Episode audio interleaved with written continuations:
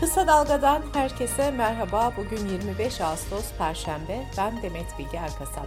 Gündemin öne çıkan gelişmelerinden derleyerek hazırladığımız Kısa Dalga Bülten başlıyor. CHP lideri Kemal Kılıçdaroğlu dün akşam saatlerinde Twitter'da yayınladığı videoda ekonomi konusunda sert mesajlar verdi. Bankaların %400 kar yaptığını hatırlatan Kılıçdaroğlu şu değerlendirmeyi yaptı. Faizler arttıkça ödeme şansı olmayan insanların borçlarına bankalar ne yapıyor? Borçlarınızı varlık şirketlerine satıyorlar. Şimdi bu tefeci şirketler arayıp tehdit edecektir fakiri fukarayı. Bu borçlarınız nedeniyle avukatlar tarafından aranacaksınız. Tehdit edecekler. Bunlar tefecilerdir, mafyadır. Sakın ödemeyin. Seçimlerden sonra onlarla ben konuşacağım. İster beşli çete olsun, ister finans devleri, ister zengin dernekleri olsun.'' Hepiniz aynısınız. Hiçbirinizin gözünün yaşına bakmayacağım. Boğaziçi Üniversitesi'ne Cumhurbaşkanı Erdoğan tarafından atanan Rektör Naci İnci'nin kadroyu tasfiye etme hareketi sürüyor. Cumhuriyet'ten Sena Tufan'ın haberine göre İnci yönetimi bu kez de okulda yıllardır ders veren ve fakülteler tarafından başarılı bulunan 16 öğretim üyesinin ders açmasını veto etti. Endüstri Mühendisliği Bölümü öğretim üyesi Profesör Doktor Tunaz Ekim Aşıcı, ders vermesi veto edilen hocaların ofislerinin de boşaltılmasının istendiğini söyledi. Geçtiğimiz günlerde mahkeme kararına rağmen Can Candan'ın 15 yıllık ofisi boşaltılmıştı. İki gün önce de Ekonomi Bölümü Başkanı Ünal Zenginobuz görevinden uzaklaştırılmıştı. Birleşmiş Milletler raportörleri Danıştay'ın İstanbul Sözleşmesi kararı ile ilgili Danıştay Başkanı'na hitaben bir mektup yayınladı. Raportörler Danıştay'dan İstanbul Sözleşmesi'nin feslini onaylayan kararı bozarak Türkiye'nin imzacı olarak sözleşmeye geri dönmesinin önünü açmasını istedi. Muğla Valiliği Milyon Fest Festivali'nin yasak kararının Fethiye Kaymakamlığı tarafından alındığını belirterek kaymakamlığın yasaklama yazısını paylaştı. Kaymakamlığın yazısına göre yasak gerekçesi yoğun insan trafiği, ses ve ışık etkileri nedeniyle ekolojik dengeye zarar verme ihtimali olarak açıklandı. Aydın'ın Köşk ilçesi Mezeköy mahallesinde jeotermal enerji santrali kurulması planlanan alanda mahalle sakinlerinin çadırlı eylemi sürüyor. Kaymakamlık ise Mezeköy'e mahallede yaşayanlar dışındakilerin giriş ve çıkışlarını 29 Ağustos'a kadar yasakladı. Üniversite öğrencileri için yurt başvuruları dün başladı. Gençlik ve Spor Bakanı Muharrem Kasapoğlu, yurt kapasitesini 800 binin üstüne çıkardıklarını belirtti. Yurt başvuruları E-Devlet üzerinden pazar akşamına kadar yapılabilecek. Yurt ücretleri ise Eylül'de açıklanacak. Sırada ekonomi haberleri var. Cumhurbaşkanı Recep Tayyip Erdoğan dün katıldığı bir programda ekonomiyle ilgili değerlendirmelerde bulundu. Faiz, kur diye bir mesele yok mu? Elbette var. Bunlara takılı kalırsak Türkiye'ye yazık ederiz diyen Erdoğan şu ifadeleri kullandı. Birileri diyor ki üretim bitti, herkes perişan. Gerçekten öyle mi? Tarımda çok iyi rekolte elde ettiğimiz hem de üreticinin yüzünü güldürdüğümüz bir dönem yaşıyoruz. Turizmde başarılı bir sezon geçiriyoruz. Enerjide Avrupa'nın mide krampları geçirdiği bir kışa biz gayet rahat bir şekilde hazırlanıyoruz. Sanayide fabrikalar harıl harıl çalışıyor. İstihdamda en yüksek seviyeye ulaşmış haldeyiz. Terazinin bizim bulunduğumuz kefesi ağır basıyor. Türkiye Esnaf ve Sanatkarları Konfederasyonu Genel Başkanı Bendevi Palandöken, geçen yıl ile kıyaslandığında öğrencilerin bu yılki okul masraflarında %80 ila %150 oranında artış olduğunu söyledi. Palandöken, okulların açılmasına kısa bir süre kala öğrenciler için kırtasiye ürünleri, internet ve bilgisayar başta olmak üzere tüm okul araç ve gereçlerinde KDV'nin kaldırılması için çağrıda bulundu.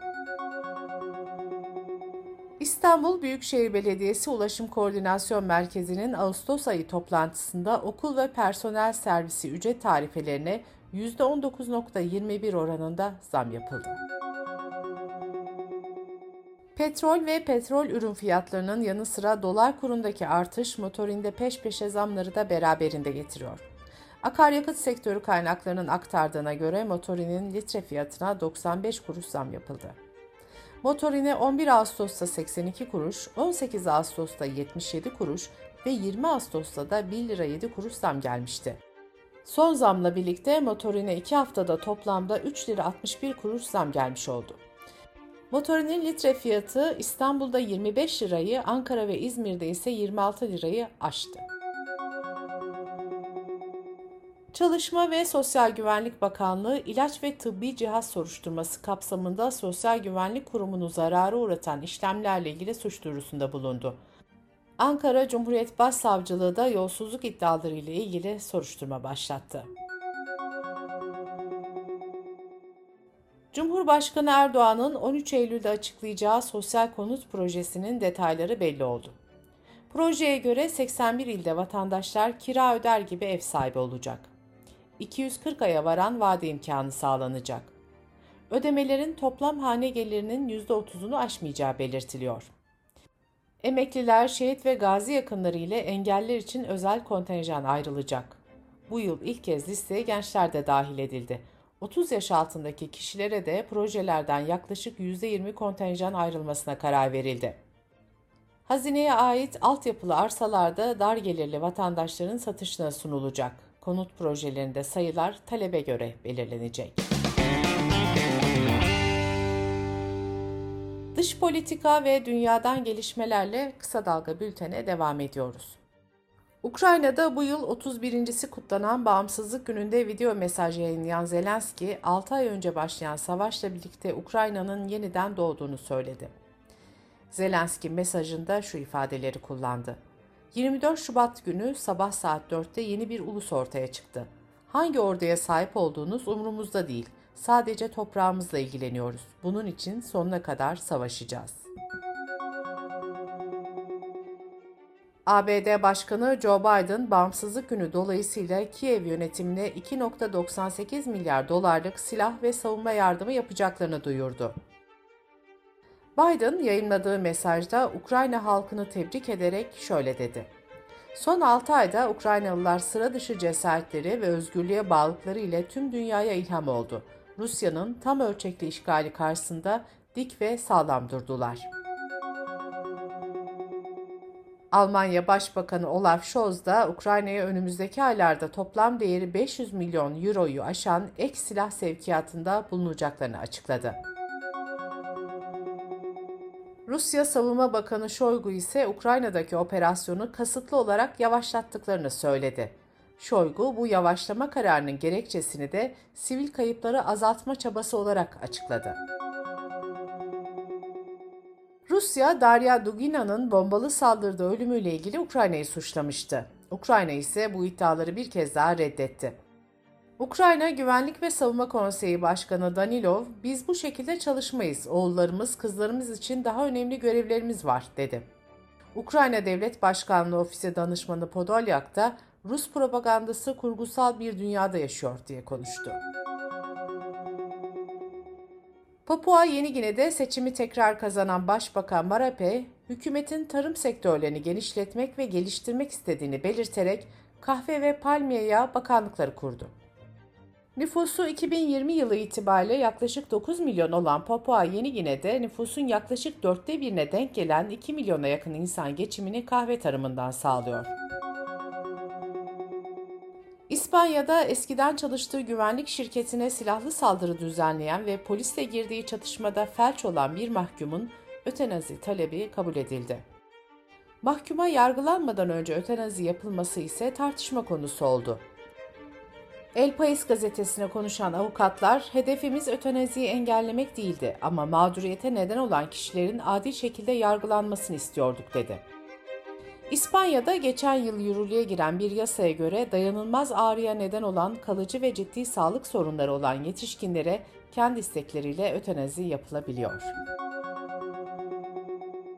Hindistan'da ilk olarak Mayıs ayında Kerala eyaletinde onlarca çocukta görülen domates gribi iki eyalete daha yayıldı. Deride yol açtığı ağrılı kırmızı kabarcıklar nedeniyle domates gribi olarak anılan hastalığın çok hızlı yayıldığı ve belirtileri COVID'e ve hummaya benzediği için de teşhisinin zor olduğu belirtiliyor. ABD'nin Teksas eyaletinde kuraklık nedeniyle kuruyan bir nehir yatağında 113 milyon yıl önceden kalma dinozor ayak izleri ortaya çıktı. Aşırı hava olayları başka şaşırtıcı olaylara da yol açtı. Mead Gölü'nde de su seviyesinin düşmesiyle birlikte cansız insan bedenlerine ulaşıldı. Dünyadaki sıcaklık sanayi çağının başlamasından bu yana 1.2 derece arttı.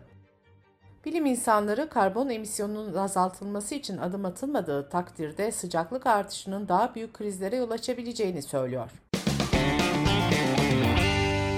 Bültenimizi kısa dalgadan bir öneriyle bitiriyoruz. Dünya iklim krizinin getirdiği hava şartlarıyla mücadele ederken bugün Kısa Dalga arşivinden ödüllü bir podcast öneriyoruz. Hayatımıza bugünkü gibi devam edersek 2050'de iklim krizi hangi boyutlara varabilir? Dünya ve Türkiye küresel ısınma nedeniyle hangi zorluklarla karşı karşıya kalacak? Mehveş Evin günümüzde yapılan bilimsel araştırma ve öngörülerin ışığında bu sorulara yanıt aradı. Fedai Karakeçili'nin seslendirdiği Türkiye 2050 Gelecekte Bir Yolculuk podcast'ini kısa dalga.net adresimizden ve podcast platformlarından dinleyebilirsiniz.